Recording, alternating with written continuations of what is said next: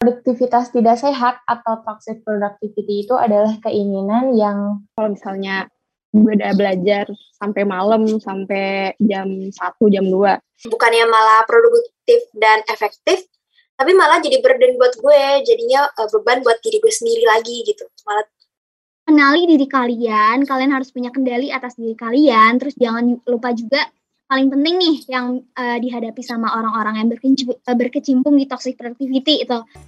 Hai Stupers, welcome to Stupper Stage. Di episode kedua ini, kami dari SMN 33 Jakarta dan SMN 68 Jakarta akan ngobrol sebuah topik yang menurut kami penting untuk dipahami oleh anak-anak muda seperti kita, yaitu toxic productivity. Apa sih toxic productivity itu dan gimana cara kita buat ngatasinnya? Sauce Troopers, stay tune terus ya. Halo, selamat datang di TV Street Podcast Kolaborasi SM68 dan SMN 33 Jakarta. Nah, tagline kita kali ini adalah Titip Side to your limit before it turns toxic. Sesuai dengan uh, sesuai dengan tagline yang kita bawain hari ini, topiknya juga sesuai nih guys, yaitu toxic productivity. Nah, sebenarnya apa sih toxic productivity itu? Ada penasaran kan? Eh, sebelum kita masuk ke topiknya, kita kenalan dulu aja kali ya. Karena kayak kata pepatah, tak kenal maka tak sayang nih. Oke, buat para narasumbernya nanti juga uh, pada sebutin hobi atau kegiatan yang kalian lakuin belakangan ini ya. Oke, mulai dari uh, dari gue dulu aja kali ya. Oke, gue sendiri Manda dari SMA 68 Jakarta sebagai host yang bakal mandu kalian dari dari awal sampai garis finish. Jadi jangan pada bosen-bosen ya, karena gue bakal banyak banget ngomong nih. Oke, belakangan ini tuh gue lagi hektik banget sama kepanitiaan dari acara sekolah gue yaitu Karasel. Jangan lupa pada nonton ya tanggal 30 Oktober karena gue uh, jamin nih art artsnya pada kece-kece banget deh pokoknya. Aduh maaf banget ya guys gue jadi promosi nih. Tapi buat para narsumnya yang mungkin ada acara sih boleh dipromosin juga ya. Oke lanjut ke uh, narasumbernya kali ya. Yang pertama ada Arina. Ya, halo semua. Nama gue Arina dari SMA 68 Jakarta juga, sama kayak Amanda. Um, kalau hobi gue akhir-akhir ini tuh mungkin baca buku, dengerin lagu, sama ya ngerjain tugas sekolah, sama belajar dikit-dikit lah. Terus kesibukan gue ya itu juga dengerin, eh dengerin tugas sama belajar, terus sama kepanitiaan Baskom Karasel yang bakal bentar lagi uh, 30 Oktober bakal ada Karasel. Jadi jangan lupa nonton ya. Jangan lupa nonton ya guys, karena pasti bakal kece banget sih gue jamin. Oke lanjut ke narasumber kita yang ketiga, ada Elisha. Ya, halo semuanya, gue Luh Elisa Cynthia Dewi. Uh, kalian bisa panggil gue Elisa, gue dari SMA 33 Jakarta. Kalau ditanya tentang kesibukan gue akhir-akhir ini, ya sebagai pelajar kesibukan gue pastinya belajar ya. Tapi karena gue juga jadi panitia pensi di sekolahan gue jadi ya kesibukan gue juga ngurusin pensi sih sama kayak uh, tadi Arina sama Hairani uh, apa ya jangan lupa nonton Stipuga 2021 tanggal 2 Oktober nanti di channel YouTube Stipuga Jangan lupa nonton ya guys, kalian harus langsung buka um, YouTube-nya di Stipuga 2021. Jadi langsung buka YouTube-nya tanggal 2 Oktober ya kan? Ya, Oke, okay. selanjutnya ada narasumber kita yang ketiga. Eh, halo semua, nama gue Siti Ivana Indrasta, biasa dipanggil Naila. Uh, di sini gue juga bakal nemenin kalian nih di podcast ini. Sama seperti Kak Elisa, gue juga dari SMA 33 Jakarta. Kalau gue sendiri sih belakang ini juga sama ya, kayak kalian-kalian gitu. Lagi sibuk ngurusin acara pensi sekolah. Uh, jangan lupa saksikan Stipu Go 2021 ya akan diadakan 2 Oktober nanti. Yeay, jangan lupa nonton ya guys, Karasa sama Steve 2021 karena pasti bakal keren banget dan pokoknya paling kece deh sekolah kita berdua. Oke? Okay? Oke, okay. tadi udah pada denger kan nama-namanya, udah dikasih tau juga belakangan ini mereka lagi ngapain. Pokoknya pada kece-kece banget nih harusnya kita. Nah, sekarang kita langsung move on aja ke topik kali ini, toxic productivity. Sebenarnya toxic productivity itu apa sih? Langsung kita tanya aja kali ya sama yang lebih berpengalaman atau pernah mengalami uh, di zona toxic productivity. Uh, mungkin Alicia uh, bisa jelasin? Iya, gue pernah uh, pernah mengalami toxic productivity ini. Uh, jadi produktivitas tidak sehat atau toxic productivity itu adalah keinginan yang uh, tidak sehat untuk terus menjadi produktif setiap saat dengan uh, dengan cara apa pun gitu. Jadi biasanya orang yang punya toxic productivity itu bakal ngelakuin kegiatannya mereka tanpa tahu waktu dan juga tempat. Jadi biasanya orang yang punya toxic productivity itu bakal ngelakuin kegiatannya mereka mau di kantor, mau di tempat makan, mau pas lagi kumpul keluarga, pokoknya di mana aja dan tanpa tahu waktu gitu. Uh, biasanya nih orang yang punya toxic productivity itu bakal ngelakuin kegiatan yang tidak seharusnya mereka lakukan gitu. Jadi job desk yang gak harus mereka lakuin ya mereka lakuin karena mereka merasa kalau mereka tidak berproduktivitas, mereka akan kayak merasa bersalah gitu sama diri mereka sendiri. Uh, oh ya, toxic productivity itu kalau orang awam bilang uh, lebih mungkin orang awam bakal lebih kenal sebagai workaholic gitu atau hustle life.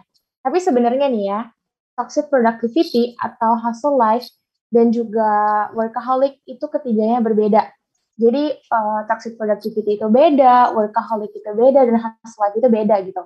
Kalau untuk toxic productivity itu lebih ke perasaan diri seseorang itu bakal merasa uh, bersalah kepada diri mereka sendiri kalau mereka tidak berproduktivitas.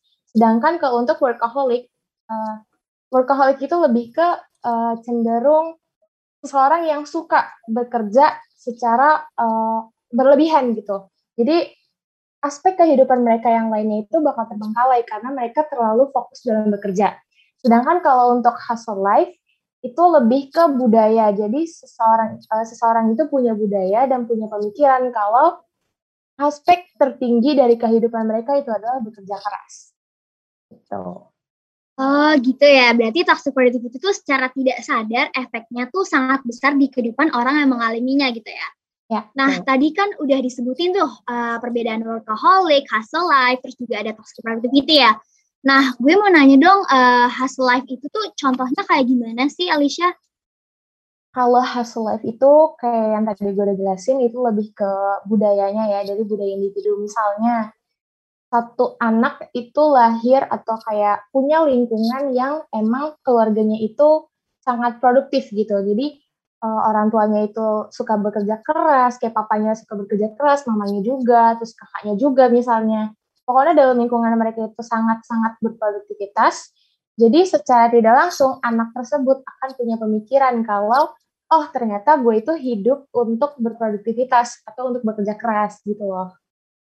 Oh jadi kayak berarti lingkungan tuh berpengaruh besar terhadap uh, sifat anak untuk jadi produktif gitu ya. ya kayak betul. dari orang tua terus habis itu nanti baru ke anaknya gitu ya. Apalagi kalau lingkungan teman-teman pasti juga bakal uh, apa sih namanya berpengaruh besar juga sih gue yakin. Oke, okay, uh, eh, makasih banget buat penjelasannya. Nah sekarang gue mau denger nih dari Aura, uh, dari Arina maksud maksud gue Arina menurut uh, menurut Arina tuh pengalaman di toxic productivity-nya tuh kayak gimana sih? Oke, okay, makasih Manda. Kalau menurut pengalaman gue ini baru kejadian kayak dua minggu atau seminggu yang lalu ya akhir-akhir ini lah. Jadi tuh uh, gue karena banyak kelas, banyak ngerjain tugas, sama ikut kepanitiaan. Jadi gue selalu menargetin sehari itu gue harus ngelakuin sesuatu. Misalnya gue harus ngerjain tugas, gue harus uh, aktif di apa di kepa kepanitiaan. Jadi tuh kayak gue nggak bisa sehari itu kayak cuma bahan doang gitu tuh nggak bisa. Terus kalau misalnya gue udah udah ngelakuin banyak hal terus kalau gue istirahat itu tuh gue ngerasa kenapa gue buang-buang waktu ya harusnya gue nggak istirahat harusnya gue bisa lebih produktif ngelihat orang lain kok kayak orang lain tuh bisa lebih produktif dari gue sementara kenapa gue malah istirahat misalnya gue istirahat sejam nih istirahat sejam setelah uh, ngejain ini itu selama dua jam sampai tiga jam. Nah istirahat gue sejam gitu kan. Nah itu tuh kayak malah gue ngerasa useless dan gue ngerasa kok gue nggak produktif ya setelah apa yang gue kerjain selama tiga jam tadi. Nah terus kalau misalnya gue udah belajar sampai malam sampai jam satu jam dua kalau misalnya hasilnya itu tuh nggak sesuai sama ekspektasi itu tuh gue bakal ngerasa gagal yang parah banget gitu kayak gue sampai ngedown gue sampai nyalain diri gue gue sampai kayak aduh kok gue payah? Kok gue begini ya? Nah itu tuh gue ngerasa wah gue udah gue udah nggak beres nih. Gue udah wah ini toxic banget. Kenapa gue toxic ke diri gue sendiri ya? Nah, akhirnya gue menyadari lah itu tuh toxic productivity yang aduh itu bikin gue stres banget. Jadi akhirnya gue mencoba buat uh, mengurangi rasa buat keras sama diri sendiri gitu loh Oke, oke, I see. Jadi uh, kayak lo tuh memforsir diri lo untuk sibuk dan kalau lo nggak sibuk tuh lo merasa useless gitu ya. Dan kayak waktu yang lo punya pada waktu luang itu bisa lo pakai buat istirahat misalnya kayak main HP me time tapi lo pikir kayak itu lebih bagus untuk lo pakai ke hal yang bermanfaat kayak belajar gitu ya. Ya menurut gue itu kayak lumayan uh, parah ya kalau kayak gitu. Kayak lo jadi nggak bisa menemukan jam waktu istirahat lo karena lo merasa lo nggak deserve gitu loh buat beristirahat gitu kan Nah, sampai sini tuh gue udah iya. mulai paham banget nih tentang toxic productivity. Berarti itu tuh kayak lo pantang menyerah, mencoba sesuatu, tapi nggak ngasih istirahat uh, untuk diri lo sendiri gitu. Dan bakal, bakal merasa bersalah kalau lo nggak ngelakuin hal, uh, hal yang produktif gitu kan. Nah, kalau para listener gimana nih? Udah pada ngerti belum? Oke, okay, kalau dari tadi kita udah panjang lebar nih kan ngomong. Kita break dulu aja kali ya. Uh, biar makin semangat, kita sebutin tagline kita, oke? Okay? um, masih pada inget kan ya soalnya kayak baru fresh banget tadi gue bilang tuh ya oke okay, yuk kita sebutin aja tagline kita satu dua tiga eat side know your limit before it turns. It turns toxic.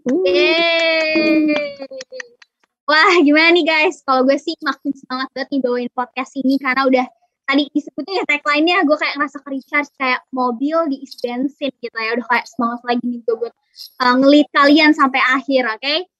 nah tadi tuh udah dijelasin sama Arina uh, tentang pengalaman di atas productivity. Uh, nah last but not least ada uh, narasumber kita yang bakal jelasin pengalaman nih. Gimana nih Naila? Pengalaman lo tentang toxic productivity. Um, kalau dari pengalaman gue sendiri sih ya, gue gak gitu sering terpressure soal productivity gue. Karena justru dari SMP gue udah banyak ikut organisasi dan istilahnya tuh uh, udah bisa lah manage waktu, udah bisa gitu ngatur waktu. Tapi ada saat-saat di mana gue pernah merasa terstrain banget, stress banget, especially mentally ya. Itu tuh pas gue kelas 3 SMP, kelas 9 berarti ya. Gue harus belajar, prepare buat UN pastinya uh, yang susah itu adalah karena selama gue kelas 1 dan 2 itu, gue kurang peduli nih sama studi gue, sama pembelajaran gue. Apalagi pas gue ikut OSIS di dua tahun itu. Jadi pas kelas 7 dan kelas 8-nya, itu dua tahun gue ikut OSIS full dan aktif. Jadi ya gue kurang fokus deh sama pembelajaran gue waktu itu. Alhasil, ya gue harus ngejar materi banyak tuh di kelas 3 itu, di kelas 9. Dan juga uh, waktu itu kebetulan gue jadi ketua angkatan di sekolah tuh jadi gue juga harus sibuk ngurusin acara kelulusan dan acara-acara lainnya deh segala macam itu. Itu jelas bikin gue anxious parah ya. Kayak uh, duh semuanya bakal kelar gak ya? Duh gue sanggup gak ya? Gitu. Gue sering banget mikir-mikir kayak gitu pas saat itu. Gue terlalu menyibukkan diri sampai nggak sadar kalau sebenarnya uh, yang gue lakuin itu bukannya malah produktif dan efektif tapi malah jadi burden buat gue. Jadinya uh, beban buat diri gue sendiri lagi gitu. Malah malah balik lagi ke gue sendiri gitu. itu jujur butuh waktu yang cukup lama ya uh, buat gue nyadar yang waktu itu. Ya karena sama itu gue pikir segala keamisan gue waktu itu ya positif. Gue mikir semua itu ya apa yang harus gue lakuin gitu. Bahkan gue sering banget mikir that I could have done so much more than that. I keep on regretting things that I should have done. Gue sering nyesel kayak sebenarnya lu bisa loh lebih uh, lebih ambis lagi lu bisa kerja lebih keras lagi gitu. Gue sering banget masang mindset kayak gitu pada waktu itu. Jadi ya paling gitu aja sih kalau experience dari gue. Kasih oke oke yang dari gue denger nih ya kayaknya sibuk banget emang kelas 9 harus organisasi OSIS mana lo jadi ketua angkatan juga kan tuh buat buku tahunan atau lalala gitu kan Terus kelas 9 tuh gue tau banget, karena gue juga pernah kelas 9 lah ya, bener-bener hektik banget, harus belajar ini, belajar itu untuk masuk sekolah yang kita mau gitu kan. Oke, okay, um, tadi kan udah dijelasin nih secara garis besar tentang toxic productivity sama Elisha gitu kan. Nah, gue mau denger dong dari lo, gimana sih uh, pengalaman toxic productivity uh, versi lo? Oke, kalau ditanyain tentang pengalaman toxic productivity, jujur uh, pengalaman gue itu kayak secara secara sadar nggak sadar gitu ya. Jadi kadang gue nggak sadar kalau apa yang gue lakuin itu itu termasuk ke dalam toxic productivity. Tapi sebenarnya kalau ditelaah lebih dalam lagi ya, gue termasuk gitu ke dalam toxic productivity. Uh, well, menurut gue, gue mengalami toxic productivity itu nggak lama ya sebelum sebelum pandemi COVID-19 berarti kelas 10 semester 1. Jadi pas kelas 10 dan itu pas offline juga, gue tuh punya gue tuh punya jadwal yang super duper ketat gitu, bener-bener yang dempet dempet banget dan kayak nggak ada waktu buat nafas gitu. Jadi jam 6.30 sampai jam 3 sore itu gue belajar di sekolah, tapi karena gue organisasi, ikut organisasi, dan gue juga ikut ekstrakurikuler, jadi gue kadang bisa pulang sekolah itu jam 5 atau jam 6 sore gitu paling lambat. Nah setelah gue pulang sekolah, itu gue pulang ke rumah untuk makan dan mandi doang, dan lanjut lagi untuk les dari jam 6 atau jam 7 malam gitu sampai jam 9 atau jam 10 malam lah paling lama. Dan sepulangnya gue dari les itu gue nggak langsung tidur, gue nggak langsung istirahat, tapi uh, gue belajar lagi, gue kayak review-review materi yang udah gue pelajarin di sekolah sebelumnya, dan ya itu terus berlanjut gitu. Sampai kayak gak ada waktu buat gue nafas gitu. Ya walaupun kayak gitu ya gue tetap masih punya waktu untuk me time sih sama family time gitu bareng keluarga.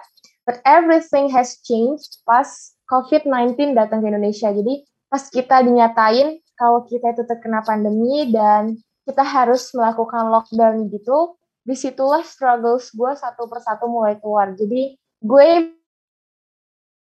biasanya punya produktivitas yang ketat banget, gue punya kebiasaan yang padat banget, itu tiba-tiba harus kayak lenyap gitu aja kayak semuanya dibatesin gitu. Dan gue jadinya merasa kayak gue nggak pede gue nggak percaya diri gitu. Karena gue mikirnya orang di luar sana bisa berproduktivitas kenapa gue enggak gitu.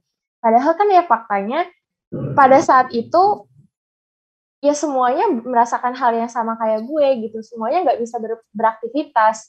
Karena pada masa pas awal pandemi COVID-19 itu kan kita semua dibatesin tuh kayak kita semua dipaksa bungkam untuk berhenti bekerja gitu selama beberapa waktu. Ya, tapi puji Tuhan sih ya, makin lama gue makin kayak tahu gimana caranya gue ngatur waktu gue supaya kegiatan gue itu lebih terorganisir. Jadi dari hari ke hari itu tetap ada kegiatan walaupun ya mungkin ada satu hari yang padat banget, satu hari enggak gitu sih. Wah, ternyata sibuk banget ya sebelum COVID-19 emang kayak karena kalau sekarang kan berarti serba, serba online ya. Kalau pas COVID-19 kan uh, sebelum COVID-19 maksud gue itu kan kayak emang bakal sibuk banget gitu ya. Kalau dari lo tadi bagi waktu buat les dan lain-lain gitu kan.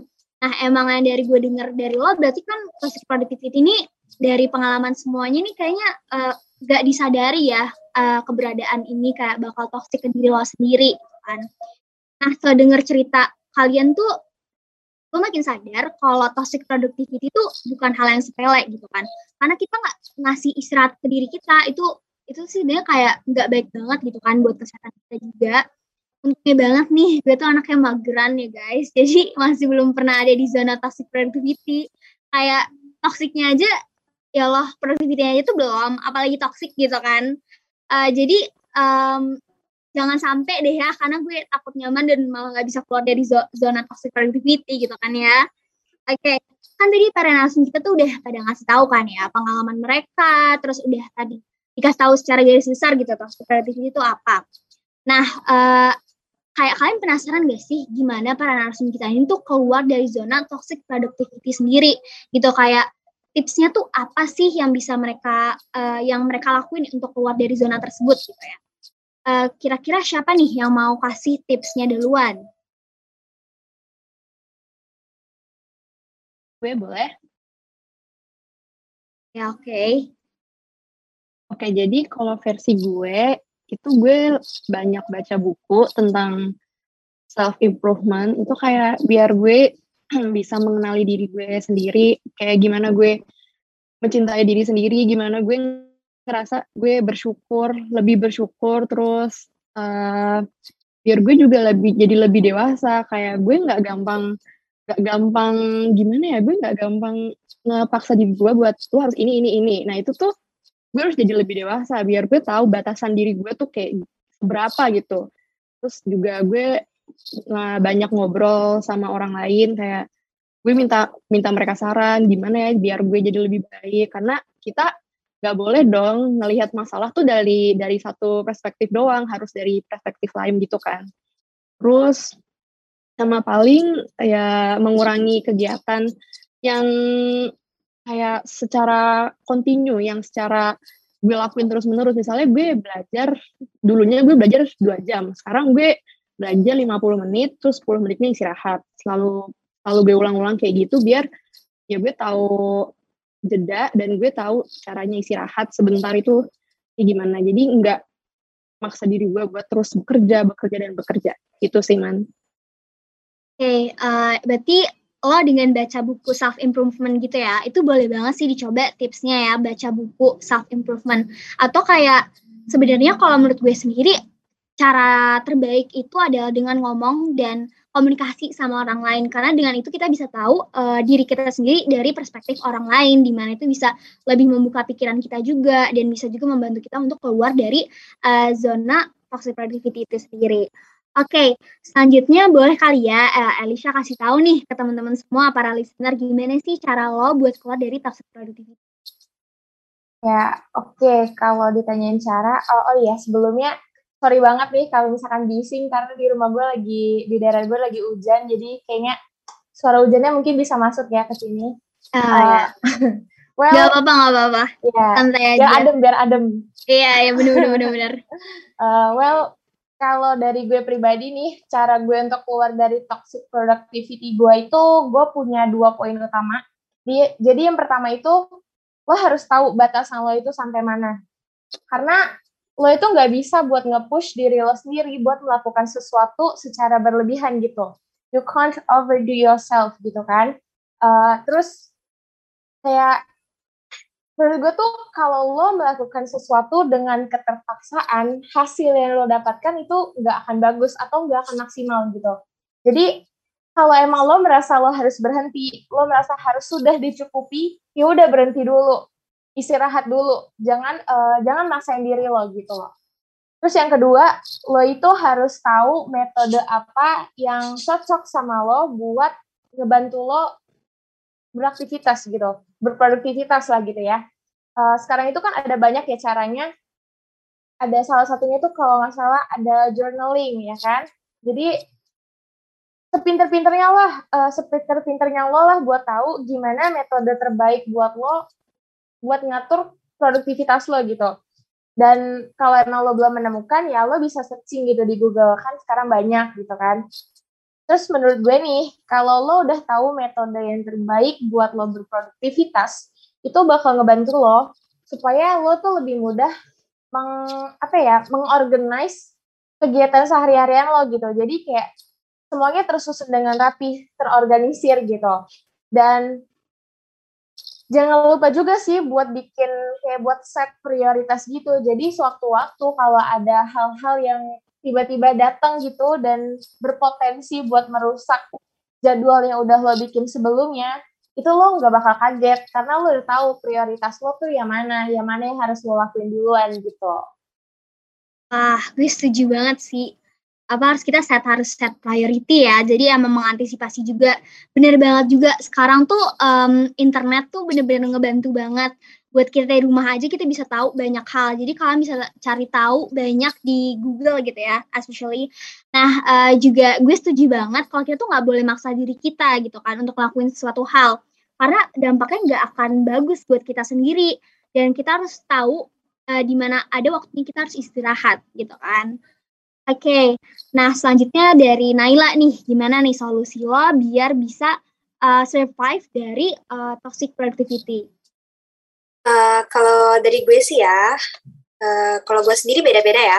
Buat self healing, gue biasanya main sama teman-teman gue, jalan gitu.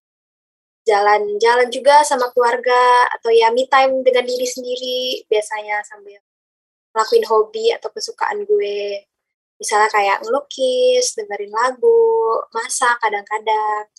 Karena I find those things kind of therapeutic and calming ya. Jadi kayak dengan melakukan hobi-hobi gue itu bisa nenangin gue banget, bisa bikin gue lebih relax lah.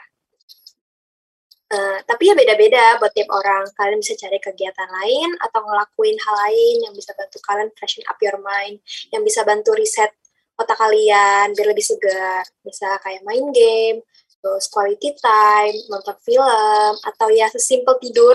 Karena ya istirahat itu penting banget. Jadi ya jangan merasa bersalah kalau mau istirahat gitu untuk tidur siang itu nggak apa-apa karena kalian juga butuh. Kalian juga bisa coba download aplikasi yang bisa relieve anxiety kalian. Uh, kalau itu sih untuk uh, gue pribadi ngebantu banget ya. Kalau lagi parah gitu, kalau lagi stres parah itu tuh bisa bantu gue untuk lebih tenang. Terus juga ada juga aplikasi yang bisa ngebantu kalian organize dan manage waktu biar bisa uh, atur waktu gitu. Pokoknya sih yang penting itu benar kata El, aku setuju banget. Know your limit. Coba bikin target dan porsi untuk perlu belajar tiap tiap hari itu gimana gitu, biar nggak overwork, juga biar nggak underwork juga. Jadi kalian bisa tetap nyelesain semua kerjaan kalian, tapi nggak capek gitu. Jadi ya semuanya tuh tetap efektif dan gak ada yang keteter. Jangan lupa juga buat jaga kesehatan, untuk makan teratur, selalu hydrated, istirahat cukup, ya supaya nggak tumbang. Gitu aja sih. Hmm, wah bisa dicoba banget nih tips-tipsnya ya. Mulai tadi dari yang Arina udah kasih tahu dengan dia baca buku self improvement, terus juga tadi uh, Elisha ngasih tahu kita bisa cari di Google dan sumber lainnya juga kalian bisa cari di aplikasi yang bisa uh, membawa kalian ke ranah yang lebih baik gitu ya. Jadi emang sekarang tuh internet memudahkan kita banget, terus kita juga bisa baca buku. Jadi banyak banget uh, cara gimana kalian tuh bisa nemuin uh, tipe cara kalian sendiri untuk keluar dari toxic productivity gitu ya. Nah, gak kerasa banget nih udah sampai di penghujung acara nih kita. Uh, pasti kalian gak mau pisah kan sama gue, karena kan secara gue kece gitu ya. Bercanda guys. Nah, tapi kalau kalian ngakuin ya, sih itu gue berterima kasih banget. Oke, okay? agak trik cuman ya gue makasih banget guys kalau kalian ngakuin. Ya, oke. Okay.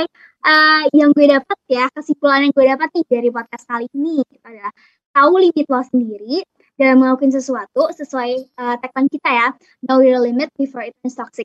Tahu limit lo sendiri sebelum lo bakal uh, menjadikan itu sebagai suatu toksik ke kehidupan lo dan juga ke diri lo sendiri gitu kan. Kenali diri kalian, kalian harus punya kendali atas diri kalian, terus jangan lupa juga paling penting nih yang uh, dihadapi sama orang-orang yang berkecimpung, uh, berkecimpung di toxic productivity itu uh, jangan lupa istirahat karena istirahat itu penting banget kalian bisa tadi katanya quality time me time bisa bisa bisa bersama keluarga komunikasinya dijalankan baik juga bisa sama teman-teman gitu kan jangan sampai kalian kena pressure uh, pressure terhadap diri kalian gitu ya. Nah, uh, kayaknya dari tadi di podcast kali ini gue belajar jadi bijak ya. Bener-bener gue belajar banget sih kayak dari semua tips-tips, dari semua uh, knowledge yang kalian kasih tahu ke gue dan pasti listener juga bakal uh, wawasannya jadi lebih luas ya mengenai toxic productivity dan nganggep itu nggak bakal sepele gitu ya. Nah, makasih banget buat semua narsum yang udah menyempatkan waktunya untuk sharing pengalaman uh, di podcast kali ini. Kalau kalian ada pesan terakhir, boleh banget sih sepatah dua kata gitu ya yang di, uh, buat disampaikan ke listener kita yang udah setia dari awal sampai akhir nih dengerin gue cuap-cuap, yang lain juga cuap-cuap gitu kan. Uh, Oke, okay, bisa dimulai dari Arina dulu kali ya.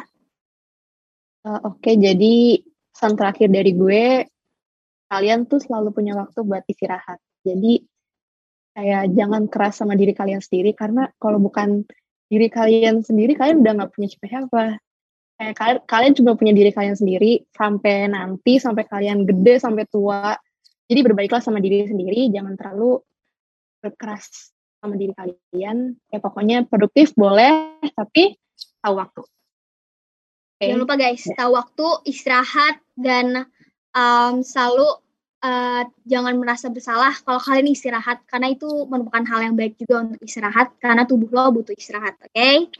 Oke, okay, lanjut nih dari Elisha. Uh, kalau dari gue sesuai sama tagline kita tuh we have to know our own limit gitu ya sama kayak yang tadi gue udah jelasin jadi kita tuh harus tahu limit gue eh limit kita sampai mana dan jangan overwork gitu. Jadi kalau misalkan emang harus istirahat ya istirahat sesuai sama yang tadi Arina bilang. It's okay gitu buat ambil buat punya istirahat punya waktu istirahat gitu. Jadi kayak biar nggak biar nggak overcome gitu yang yang lo pikirin dan lo lakuin gitu.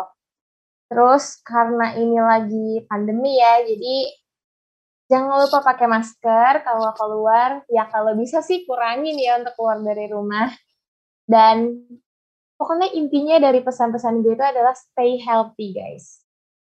Stay healthy guys, jangan lupa tatin protokol health-nya 3M, mencuci tangan, jaga jarak, sama uh, lagi M apa ya? Bisa ada yang bisa bantu. Pakai masker, bener banget guys, jangan lupa ya pakai masker, oke? Okay? Terus nih yang buat terakhir nih dari Naila, gimana nih pesan lo buat teman-teman yang lagi dengerin sekarang? Uh, gue juga sama sih, gue nambahin aja dari KL sama Kak Arina tadi. Ya, don't be too harsh on yourself, karena self-care itu penting banget. Self-care is so important. Ya, karena kalau bukan kalian yang jaga diri, ya siapa lagi ya kan? It is hmm. perfectly okay not to be 100% fine kalian merasa nggak apa-apa itu nggak apa-apa banget kalian kalau lagi capek itu nggak apa-apa jangan masih bersalah you are not always capable of doing everything uh, semua juga pasti bisa capek and then it's okay. Just know your limit. Udah sih itu aja dari gue. Untuk semuanya uh, stay healthy selalu pakai masker kalau keluar dan selalu patuhi prokes. Ya bener banget sih patuhi pro prokes ya. Sama kayak Naila sama Arina tadi bilang uh, yang bakal jaga diri lo sendiri ya lo sendiri gitu. Karena yang bakal ada sama lo ya diri lo sendiri. Jadi uh, don't be too harsh on yourself bener banget. Uh, dan selalu kasih waktu buat diri sendiri tuh healing self healing dan juga uh, apa ya bahagia with your own ways gitu lah ya Oke, makasih banget nih buat teman-teman yang udah dengerin podcast kita nih dari awal sampai akhir ya, Titri Side nih, SMA 33 sampai SMA 68. Nah, ini kan dari penghujung acara banget nih. Kita sebutin tagline lagi aja kali ya buat penutup kita nih kali ini, oke? Okay? Gue hitung gue hitung sampai tiga ya. Ayo, satu, dua, tiga. Three, Side, know your limit before it's toxic. Yeay! Makasih semua, gue pamit undur diri. See you next time. Bye. Bye. Bye.